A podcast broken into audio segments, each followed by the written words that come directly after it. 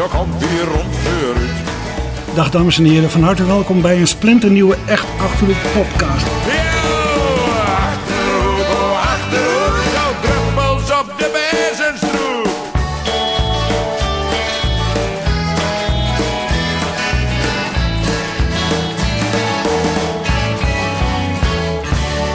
Ja, Erik, de voorlopig laatste uitzending van de Echt Achterhoek podcast. Wat is dat nou? 25 keer achter elkaar gedaan. Ja? Eh, geen week overgeslagen, ook niet eh, tijdens de coronacrisis. Maar ik merk dat het voor mij een beetje routine begint te worden. Ik vind dat ik me er te makkelijk vanaf maak de laatste weken. Dat ik even snel naar die of snel naar die, even kijken wat is makkelijk bereikbaar. Eh wat hoef ik niet echt goed voor te bereiden. En dat vind ik niet goed. Dat, dus, dus dit is nu goed om er voor, nu even een punt eh, achter te zetten. Ja. En, hoe, en hoe komt het dan dat je die routine voelt? Want ik neem aan dat je bent toch altijd ook nieuwsgierig naar mensen als je er naartoe gaat. Dus je gaat Ja. dan in een soort... ja. Was die, was dat, is het een beetje weggeëpt? Ik merkte dat, dat er, een be- dat er inhoudelijk een beetje sleet op kwam. Ja, ja. En ehm, dat wil ik niet. Het is ook niet zo dat ik geen kandidaten kan vinden, want ik heb nog een lijst van misschien wel 25 namen. Ja? Ja, die, die echt geschikt zouden kunnen zijn. Het is ook leuk om te merken dat iedereen eh, die ik heb benaderd ook heel enthousiast was om deel te nemen, ook graag deelnamen. Eh, ja, dus, dus nee, ik, ik heb er zelf, ik haal er minder energie uit. En ik heb met deze podcast ook nooit iets anders voort, voor gehad dan dat ik er energie uit moest halen. Het is geen, er zit geen winstmodule op. eh, Nee. überhaupt heeft Want je verdient er geen geld mee? Nee, nooit gedaan. Nooit gedaan. Wel een aanbieding gaat om het ook te vermarkten. Maar ik heb dat expres even laten liggen. Ja. ja. Ja. En nu neem ik een winterstop. En dan ga ik samen met mijn eh, onmisbare geluidstechnicus, Dick uit Wiegen, gaan we nadenken eh, naar een nieuwe formule. Waarbij misschien eh, wel beeld ook in beeld komt, letterlijk en figuurlijk. Waarbij Ja, we dus van een podcast richting een vlog zouden kunnen gaan. Voor op YouTube bijvoorbeeld. Bijvoorbeeld, Of, dat we het platform veranderen en dat we daar dan een soort van mini-talkshow van maken. Maar nogmaals, dat is een idee dat we samen hebben. Dat ook realiseerbaar is eh, met hulp van eh, de onmisbare Dick. En eh, daar gaan we goed over nadenken. En als het zover is, dan, ja, dan komen we daarmee naar buiten. Ja, en zou zit je dan ook, want er zitten misschien wel mensen te luisteren die bij een mediabedrijf werken. Zou je daar dan ook iets voor voelen, zeg maar, om dat bijvoorbeeld aan Optimal FM of, of een ander medium uit te besteden, dat je, dat je dat daarvoor doet? Dat zou heel goed kunnen, mits ik wel eigen baas blijf over, Ja. over de inhoud. Ik wil niks te maken hebben met eh, commerciële eh, oogmerken of invloeden. Nee, ik moet daar volledig vrij in kunnen blijven opereren, zoals ik nou ook die afgelopen 25 weken heb gedaan. Ja. Ja. Weet je, je bent het afgelopen half jaar van hot naar her gereisd in de Achterhoek. Ja. We hebben het allemaal kunnen horen waar je overal geweest bent. Eh, en altijd met een bepaalde nieuwsgierigheid, denk ik, naar de spraakmakende Ja. Achterhoeken die eh, die week centraal stond. Ja, en, en, en mensen moesten ook wel wat durven zeggen. Ja, Anders, anders moet je niet optreden in een talkshow of in een podcast. Hè, dat zie ik elke avond links en rechts voorbij komen. En denk van, waarom zit je in godsnaam aan tafel? ja, Als je met mail in, in de mond praat. Precies, en jij was ook wel goed om dat, om dat mail uit die mond eh, te houden. Ja, Natuurlijk, hè. Ik, ik herinner me bijvoorbeeld het, gesprek ook met Otwin van Dijk... waarin het Ja. op een gegeven moment ging over het wel of niet eh, toestaan van zwarte pieten... in eh, de Ja. gemeente Oude IJsselstreek. Waar die in eerste instantie ook een beetje omheen draaide... Maar dat eh, uiteindelijk toch ook wat over zei. Ja. Maar ik vroeg me af, stel dat jij nou naar jezelf zou gaan... wel- welke vraag zou je jezelf dan absoluut stellen? Waar zou je bij jezelf nieuwsgierig naar zijn? Als je zeg maar als buitenstaander naar jezelf zou kijken... Ja, hoe is het met je? die vraag die wordt natuurlijk zo vaak gesteld, dagelijks. En de meeste mensen zeggen dan goed. Hè, van, eh, ja, wat heb jij er eigenlijk mee te maken? Laat me zeggen dat het goed is. Maar hoe is het met je? Om het een vraag dan eens even te stellen. Nou, kut, maar verder goed. Ja, Zeg ik altijd. ja, Ja, het is gewoon een. eh, ik vind het gewoon een, een, een lastige tijd. Niet, niet zozeer vanwege die corona hoor. Want ik, als je het vraagt hoe het met die coronacrisis vergaat. Nou, ik ben al tien jaar lang een soort van eh, lonely wolf. Hè? En, en, en dat ik ook al, eh, al, al, al tijden, jarenlang niet, niet buiten de deur van mijn veilige boerderij in Varsel ben gekomen. Dus ik vermaak me wel. Ik ben in deze dagen ben ik eigenlijk fulltime mantelzorger. Hè? Ik, ik heb te veel tijd eh, om, om voor mijn ouders en dan met name voor mijn moeder te zorgen, wat ik, wat ik eh, bittere noodzaak is geworden. Dus dat is eigenlijk waar ik me, eh, ja, ik zou maar zeggen, professioneel mee bezig hou. Maar dat is wel de, het belangrijkste, de belangrijkste invulling elke dag. Ja, Ja, en daarnaast, het is natuurlijk een heel verhaal geworden. Hè? Ik heb natuurlijk mooie jaren gehad eh, bij de Gelderse televisie, een jaar of tien geleden, dat dat echt met een, eh, met een bom eh, eindigde. Figuurlijk dan, echt met een knal. Het was van de een op de andere dag weg.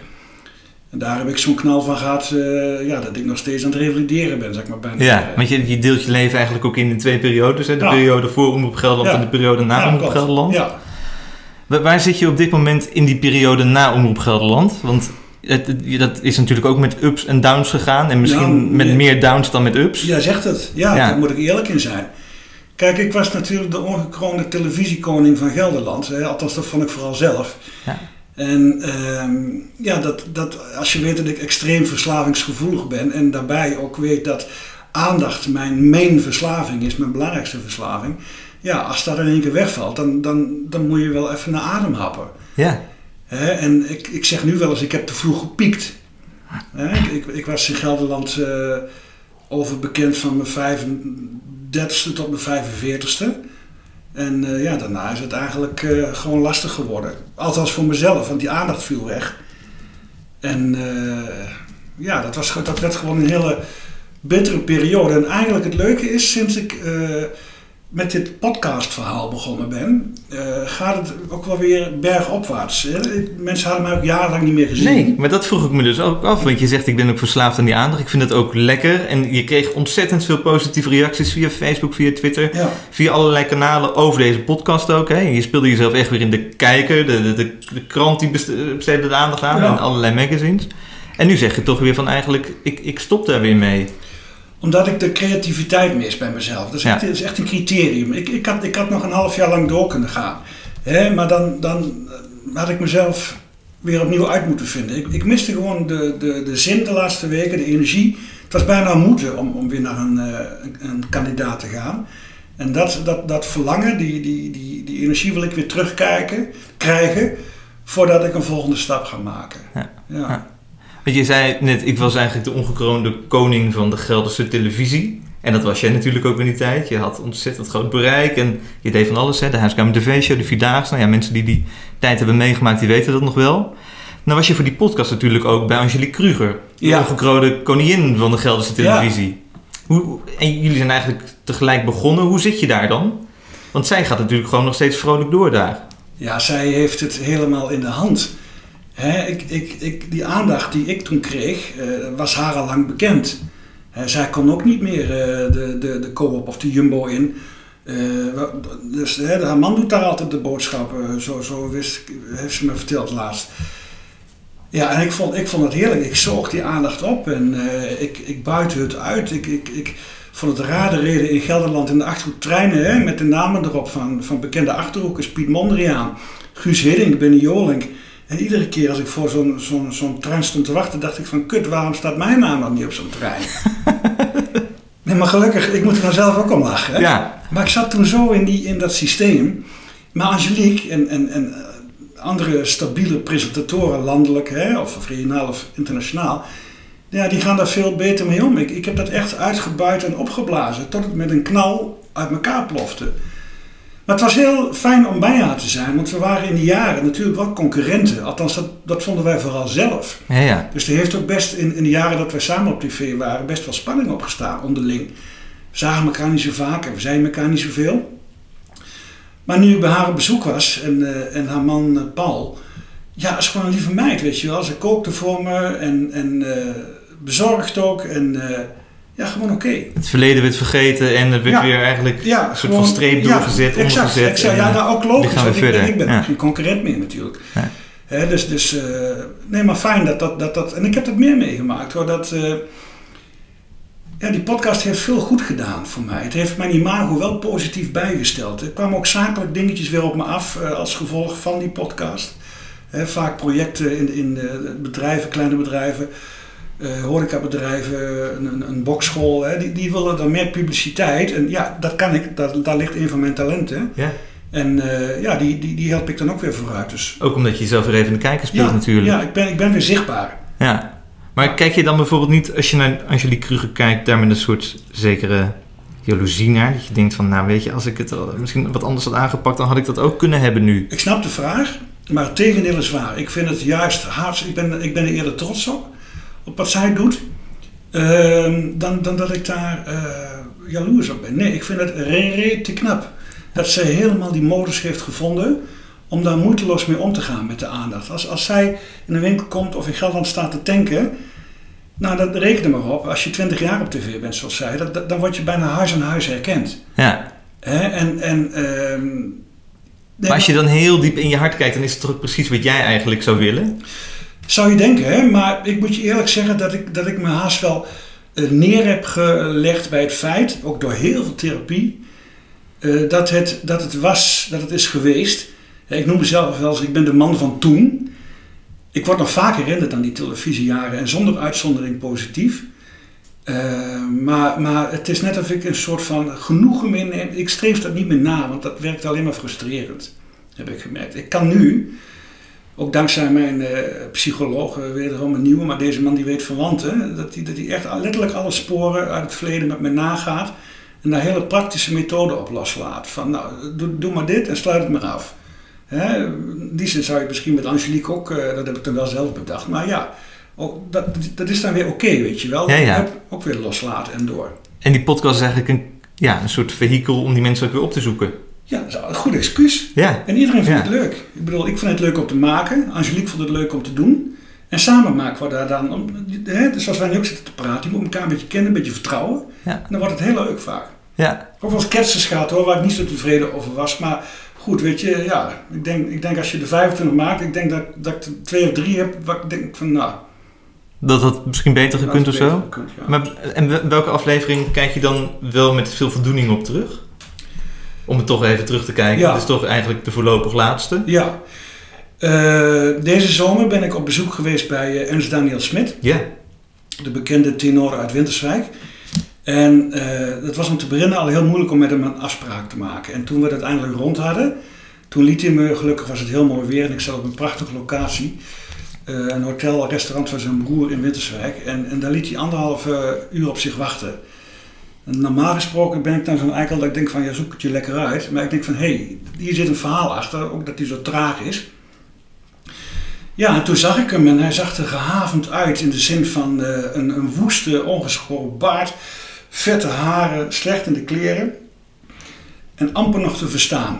En dat laatste wist ik wel, want hij was eigenlijk nog maar kort ervoor ook bij, het zal het geweest zijn, een Jinek of zoiets, Jeroen Pauw geloof bij ik. Jeroen Pauw, Ja. dat hij ook aangaf dat hij gewoon ernstig ziek was.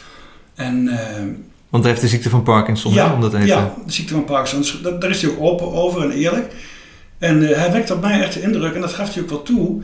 Niet alleen dat hij, dat hij hartstikke ziek was, maar ook, oh, het was zo'n treurig eh, gevoel in gezicht. Want hij zei eh, bij herhaling, ik ben nog niet uit beeld. En iedereen wil me nog.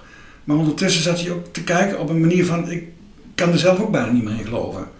Dat was, dat was heel, heel treurig, heel sneu. Maar ook wel weer dapper dat hij dat dan wel doet. Ja, ik zie hem de laatste eh, paar weken weer eens voorbij schuifelen, ook eh, diverse tv-programma's. Ik denk van ja, dat is ook wel. Aan de ene kant weet je dat je, dat je een beetje vergaande glorie bent. Aan de andere kant ga je in een, in een pak verkleed bij de, de Masked Singer staan op RTL 4. Ik denk waarom dan, weet je wel? Ja. Wat voegt dat nou nog toe? Ja. Ja, maar ja, dat is een eigen keuze. Een beetje, een beetje Is dat wan- ook herkenbaar in die zin? Want ik herinner me van jou bijvoorbeeld ook dat jij ook jezelf vergane glorie hebt genoemd. En dan ook even later weer eh, bij, bij de jakhalzen van de wereld draait door zat. Wat was dat een verwarrende tijd, hè? ja, maar dat de wereld eruit door aandacht schenkt aan die, aan die Gelderse presentator. En het was heel, vooral heel verwarrend. Ja. Waar ik aan de ene kant zei, ik wil eh, van de buis. En dan belt de redactie van de wereld eruit door, wil je in de wereld eruit door? Ja. Ja, En je zei toen ook nog, want de jakhals vroeg, zou jij een, eh, de baan als jakhals aanvaarden als we dat jou zouden aanbieden? En je had eerst vier minuten uit te leggen waarom je blij was dat je Ja. van de televisie af was. ja. En toen zei je ja, heel graag. Ja, en toen hebben ze me nog gespaard ook hè, in de montage, want ik zei nog veel gekkere dingen. Maar als ik daar nu tien jaar later op terugkijk, ja, was dat misschien wel het meest schrijnende voorbeeld van, ja, ik was gewoon ook wel in de war. In, in, in die zin. Ik, had het, Ja. ik, ik was in de valkuil van de roem getrapt. Hè. Dat, dat gebeurt niet alleen bij mij gelukkig, maar dat gebeurt op elk level in Nederland ook. Hè, wie weet nog wie de, wie de winnaar is van de Idols vorig Ja. jaar? Hè, die jongen die staat de volgende dag op de voorpagina van de Telegraaf. Maar ik denk dat hij nou Ireland op de bank zit met een, met, een, met een fles whisky in zijn hand. Dat is een aanname natuurlijk, maar snap je, dan ben je in één keer val je helemaal eh, in een roze wolk en een maand of een jaar later weet niemand meer wie je bent. En dat is wat mij ook overkwam. Ja. Ja. Het was een hele, hele, hele gekke periode. Ik dacht toen ik weg moest bij Omroep Gelderland, ik denk van nou, dat is prima, wie wil mij nou niet hebben? Ja. Hè, voor wat dan ook. Nou, het tegenovergestelde, dat niemand wilde me hebben. Was het ook niet zo dat jij dan op een gegeven moment ook bizarre bedragen ging vragen ook, om daar, om daar te werken? Of viel Nou. dat nog wel mee? Bij Omroep Gelderland bedoel Ja? je? Ja? Ja, ik ben toen... Kijk, ik was, ik was een succesvol product. De, de, de presentator Erik Schuurman. Ik werd ook gevraagd om in reclames op te treden hè, van, van eh, bedrijven die, die heel goed eh, en graag adverteerden rondom mijn programma, maar dat werd verboden. Toen was ik ook zo vatbaar voor alles en iedereen. Toen had ik ook twee mensen om me heen die, die allebei notabene bij die omroep hadden gewerkt en niet in de minste functies. Die mij ontzettend hadden opgehitst. Van eh, nee, maar je moet lekker, eh, eh, ga maar voor een hoger salaris. Anders laat je je uitkopen, dan neem je zo twee ton mee. Niet gehinderd door enige nuchterheid op dat moment eh, of, of verstand van zaken. Dus ja, en, en ik ging toen een rechtszaak aan tegen mijn werkgever, mijn directeur, notabene, de man die, die nog net niet op mijn verjaardag kwam, hè, maar met wie ik wel elke zaterdag ging hardlopen. Hè, en die een bloemetje stuurde naar mijn ex-vrouw op het moment eh, dat er weer iets was wat een bloemetje verdiende. Dus we hadden echt een soort van bandje wel, behalve zakelijk. En ja, en diezelfde man ontmoet je dan een jaar later in de rechtszaal, weet je. Het is toch Ja. een soort, eh, ja, het was gewoon eh, drie letters op, op zijn achterhoek, was echt een kuttijd. Ja. Die, die, die laatste fase, ja. ja. Ja. Nou goed, daar heb je uitgebreid ook over geschreven in je boek, hè, Gebakken Lucht. Ja, en je had het net al even over die valkuil van de roem. Dat, dat is natuurlijk, nou ja, dat, daar is genoeg over gezegd al. En dat weet Ja. iedereen ook die het boek gelezen heeft, Ja. of die de interviews met jou gelezen heeft. Wat zijn voor jou op dit moment dan de grootste valkuilen? Ja, waar moet ik beginnen, Nick? Ehm, dat zijn er een aantal. Ik ben eh, al, al tien jaar lang eh, verslaafd aan alcohol. Hm. Dat is eigenlijk wel mijn, mijn taaiste tegenstander. Ja. Dat, Maar je bent ook wel eens periodes af geweest, ja, toch? ik ben ook wel in diverse klinieken geweest in binnen- en buitenland om het monster te temmen. Eh, dat ging dan vaak twee of drie maanden goed. En ook vaak toevallig eh, in deze tijd van het jaar, een beetje herfstig, zo richting kerstdagen. Ja, dan krijg je toch weer te kwaad. En dan, dan ja, dat kan ik bijna niet uitleggen aan mensen die alcoholgebruik wel beheersen. Maar vanuit die extreme verslavingsgevoeligheid die ik schetste, eh, ben ik toen de aandacht wegviel. Ik dronk al veel, maar toen werd het echt problematisch. En dat is, dat is mijn belangrijkste duivel, al, al tien jaar lang. Dat, dat, ik, ik zit nu in zo'n stadium dat ik bijna eh, een soort fatalisme over me heb. Van ja, weet je, ik, ik kan niet stoppen met drinken. Dus ja, Nee, want, hoe zit dat nu? Is het, drink je nu ook veel nog? Ja. Steeds? Ja, Ja. ja. En is het dan dagelijks? Is Ja. dat, eh, ja. dagelijks. En dan rijd ik eh, twee keer in de week naar Duitsland, vlak over de grens. Want daar hebben ze twee dingen heel goedkoop. Benzine en die andere benzine. Ja. Dan maak ik mezelf wijs dat ik dan in één ritje aanholt vanuit Vassel, dat is nog geen 10 minuten, 50 euro eh, winst heb gemaakt. Dus natuurlijk de, de boel helemaal kapot redeneren. Maar ja, zo zit je dan in elkaar. Ja, maar dat is natuurlijk voor je gezondheid. Ik bedoel, ik, ik, ik heb ook wel eens gelezen dat een cardioloog tegen jou heeft gezegd... als je zo doorgaat, dan heb je nog maximaal vijf jaar te leven. Volgens mijn broer, en daar heeft hij gelijk in, ben ik een tikkende tijdbom. Vijf jaar geleden lag ik op de intensive care van het Slingerland in eh Doetinchem. Nadat ik met eh, piepende banden en sirenes vanuit mijn huisartsenpraktijk ben weggebracht eh, met de ambulance naar de afdeling eh, hartbewaking. Ik had acute eh, problemen als gevolg van alcohol. Alcoholische myopathie in eh, goed Nederlands.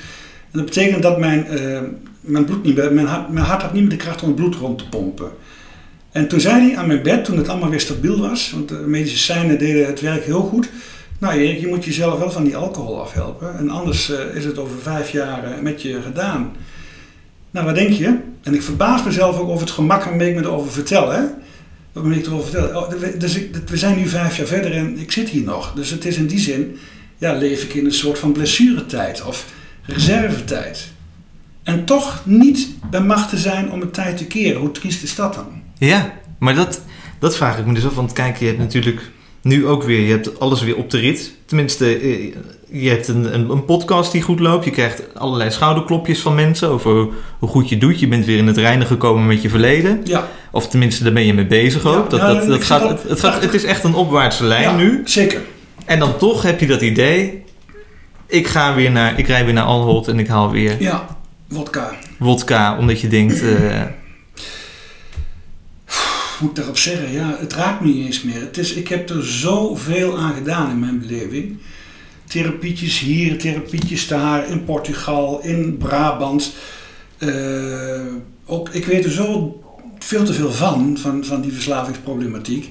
En toch slaag ik er niet in om, om het op mezelf los te laten. De, die, kijk, iedereen die het niet begrijpt wat verslaving is, die zegt van, ben toch een slappe lul. Ga nou eens een keer gewoon eh, niet drinken en dan slaap je een paar nachten slecht. Maar dan moet je eens opletten hoe je je voelt. En dat weet ik ook. Hè, want ik drink ook wel eens per een dag niet. En dan slaap ik slecht, maar dan denk ik de volgende dag van, jemig, waarom drink ik toch zoveel? Want dan voel je je fijn. En toch, het is bijna dwangmatig.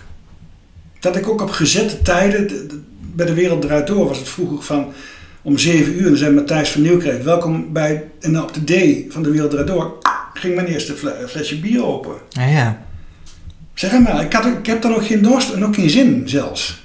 En toch moet je dat gaan doen. Ja, verslaving, jongen, het is niet voor niks dat het op de lijst van ongeneeslijke ziekte is gezet. Want van kanker dat je- is het ook echt, hè? Ja, van van het is- kanker kun je misschien tegenwoordig met de kennis van nu en hopelijk straks ook van corona, daar kun je van genezen. Hè? Maar verslaving is de enige ziekte waar geen medicatie voor is en waar je alleen maar tegen kunt strijden door de juiste tips en tricks te volgen om erbij weg te blijven. Ja, dat blijf je voor je leven dan, een verslaafde eigenlijk. Maar dat wat je ook op therapie Ja, dat is geleerd. het, Hè? ja. Van, heb niet de illusie dat je hier weggaat en je bent geen alcoholist meer. Je bent en blijft een alcoholist tot de dood erop volgt. Het enige wat je kunt doen is om het niet meer te gebruiken. En dat geldt ook voor rokers. En voor mensen, onderschat dat ook niet, dat heb ik ook van dichtbij moeten zien, die aan medicatie verslaafd zijn. Omdat hun huisarts maar blijft voorschrijven en voorschrijven. En echt, echt voorbeelden gezien van mensen die kwamen echt gemankeerd in een kliniek aan. Omdat ze hun pijnstillers niet meer kregen. Triest voor woorden, te triest voor woorden. Ja. Ja. Heb jij enig idee hoe... Zou je het tij überhaupt willen keren? Ja, dat is, dat is een, een mooie vraag. Misschien wel de, de, de, beste vraag. Want ik zeg dan altijd ja. Natuurlijk, het is mijn belangrijkste handicap. Het is de reden. Hè, ik ben, eh, omdat ik ook inmiddels eh, door alles wat er is gebeurd, de, de, hartziekte, van veel meer eh, lichamelijke rommel nog, als ook het alcoholisme, ja, zit ik al een jaar of twee in een afkeuringstraject. Ik, ik, ik, ik ben nu blij in deze situatie dat ik elke maand kan rekenen op een uitstekende uitkering eh, van het UWV. Op basis van mijn eerder verdiende salaris, wat bij de omroep altijd zonder uitzondering goed was. Dus ik red me wel in die zin. Ook weer met hulp van buitenaf, financieel, maar ik red me wel. Dus ja, moet ik wel zeggen, het is bijna een soort van acceptatie van dat het zo is zoals het is. Ik, nogmaals, ik, ik heb te vroeg gepiekt, ik kan niet anders zeggen. Hm. En, en de mensen die. Ik, ik ben daar ook wel eh, makkelijk in geworden. Hè? Dus ja, ik zou ook wel een half uurtje kunnen lopen per dag. Hè? Iedereen gaat een half uurtje lopen, dat doe ik ook niet. Ja. Ja. Lul met vingers, zou mijn broer zeggen. Ja, nou ja, ik vind het toch wel heftig hoor. Dat, eh, dat het zo in je hoofd zit dan ook. Hè? Van, ehm, Ja. en, en dat je daar dan niet mee, niet mee kunt stoppen ook. Omdat je, want er zijn, er zijn- ik zou dan denken, er is toch ook zoveel moois om- om... Ja, en ik zie dat ook. Hè? Want, want, want, want eh, waar ik nou het meest trots op ben. Mijn vader is altijd maar eh, op één manier een moment trots op mij geweest. Althans, wat hij uitsprak, dat was toen ik op de Gelderse buis was. Dus het enige dat hij zei van, nou, hij heeft toch mooi gepresteerd. hè. Dat is fijn, ik ben de vader van. En dat liet hij ook niet, eh, dat liet hij aan iedereen weten, ook als dat ongevraagd was. Waar ik zelf het meeste trots op ben, is de strijd die daarna volgde, eh, waar ik nog middenin zit. Ja, dat ik er nu, weliswaar een kilootje of 15 te zwaar, maar toch nog redelijk florisant bij zit. Ik, Ja. Door de medicatie heb ik alles afkloppen. Goed in controle. Eh, dus ik, ik heb geen pijntjes of... of nee, ja, ik heb een slechte conditie en een dubbele hernia. En, eh, maar daarmee kan ik me ook wel weer redden, weet je wel. En, en met dank ook aan het handjevol eh, lieve mensen dat in de loop van de jaren eh, eerder dichtbij, dichterbij is gekomen dan, dan, dan weg is gelopen. Daar heb ik er ook genoeg van gezien. Ja, dus ik, ik hou me ook altijd nog vast aan, aan, de moeder voorop, aan, aan de lieve mensen om me heen. ja, ja. Want die, die, heb, je, Die die heb je nog. Ja, Ja, die heb ik ook echt dichtbij. Ja. ja, ja. En die kan ik ook bellen 24 uur per dag als er wat is. Dan staan ze ook direct op de stoep. Dus dat is wel een mooie zekerheid. ja. En waar ik ook veel genoegen aan, aan uithaal inmiddels weer. En maken zij zich dan ook zorgen om jou? Zeggen ze dat wel eens Ja. tegen jou? Ja, Wat zeggen ze dan? nou dat is eigenlijk... Dat ze zich zorgen maakten, dat is omdat ik niet verander, is, ligt die tijd ook alweer een beetje. Hè? Dus mijn moeder maakt zich zorgen, mijn broer maakt zich zorgen. Eh, mijn vader kan zich geen zorgen meer maken, want hij is eh, echt in een behoorlijk stadium van Alzheimer.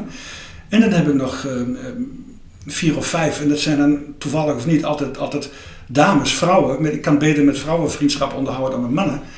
Ja, die maken zich wel zorgen, maar die hebben dat zo vaak gezegd. En die hebben dat zo vaak ingepeperd. Dat ze nu eigenlijk zoiets hebben van, ja weet je, laten we genieten van de tijd die we nog samen hebben. En eh, dat, dat, dat maken we gezellig. Ik, ik, ik hoef bijna niet meer zelf te koken. Ik heb een hele lieve vriendin die voor een gezin kookt en, en die regelmatig wat overhoudt. Nou, mijn moeder eh, die, die, die kookt, eh, dat eten we vaak samen omdat ik aan mantelzorger ben. Weet je, dus ja, dat, dat houdt het wel leefbaar. Ja. Ja, En, en, en, en, en de, ja, dan ga ik het toch weer iets vergoeilijken. Maar mijn fijnste momenten beleef ik s'avonds, als ik alleen op de bank zit met die wodka. Dan kan ik stoppen met denken, met piekeren. Voel ik me letterlijk relieved, hè, bevrijd. eh, ben ik creatief. Hè. Ik vind schrijven ook erg leuk. Soms schrijf ik dan wel wat. En ja, het is wel heel dubbel allemaal. ja. Misschien nog een laatste vraag dan. Hoe, hoe, hoe ben jij bezig met de toekomst? Ja. Ben je daarmee bezig? Want dit is natuurlijk de laatste podcast. Dit valt nu even stil. Wat, hoe, hoe, hoe ziet jouw leven er nu uit zonder die podcast? Heb je verder nog wat, wat om handen? Doe jij nog? Ja, daar kan ik twee antwoorden op geven. Een politiek correct antwoord. En dan zou ik zeggen van ja, ik heb nog voldoende klussen om handen. Ja. Allemaal vrijwilligerswerk. Ehm, en dat is ook zo. Hè. Ik, ik, ik maak de PR en publicatie, PR en communicatie voor de musical Vrijheid bijvoorbeeld. En als het doorgaat, eh, volgend jaar eh, juni een groot project in de Achterhoek. Ik doe dingen voor, voor een bokschool, eh, een nieuw project, horeca-project in Arnhem. Nou, zo zijn er wel een paar dingen, maar daar ben ik ook geen dagen druk mee. Dus om je vraag te beantwoorden is, hoe vul ik nou mijn dagen? Ja, dat is eerlijk gezegd, s smiddags ontwaken met een kater. Ik plan ook geen afspraken 's morgens, dat is altijd pas vanaf 2, 3 uur 's middags. Het liefst hè, vanmiddag ook om 4 Ja. uur, want dan ben ik weer wat op gang. En dan eh, ben ik het meest productief tussen 3 uur 's middags en een uur of 9 's avonds. Dat zijn de, voor mij de werkdagen, zal ik maar zeggen, waarin ik ook echt, eh, nou, ik zei ik ben elke dag op een fijne manier druk met mijn moeder. Die heeft, die heeft echt veel zorg nodig, ook in deze fase. Ze is eh, ernstig ziek. En dus, dus dat is mijn toekomst. Ik leef van dag tot dag. En mijn belangrijkste toekomst, en daar word ik een beetje emotioneel van, merk ik. Dat je je moeder graag wil helpen. Ja.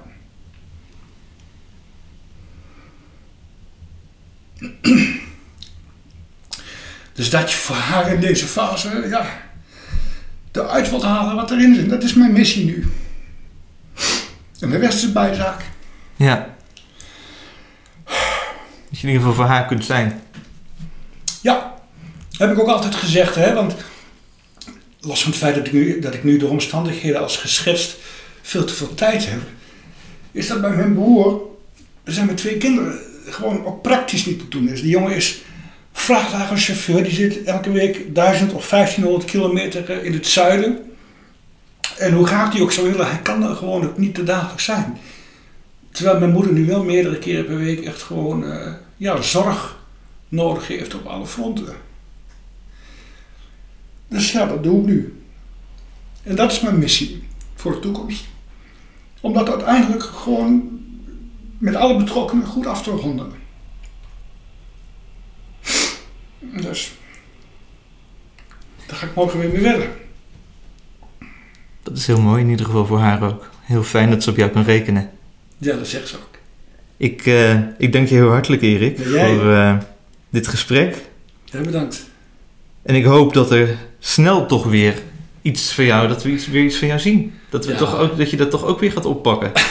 Want je bent gewoon ook hartstikke goed in wat je doet en het is hartstikke leuk om te luisteren. Ik luister er altijd met veel plezier naar. Ik vind het een eer dat jij eh, mij wilt interviewen. En dat, dat, dat gezegd hebben, eh, nee, ik zeg wel eens tegen mensen, vergaat.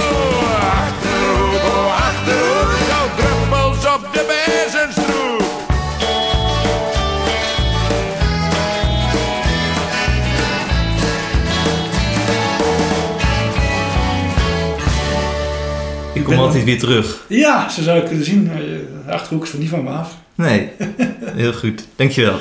Ja, bedankt. Man, Heetje Erik. ja, ja, wat een gesnotter, hè? Ja, Nou,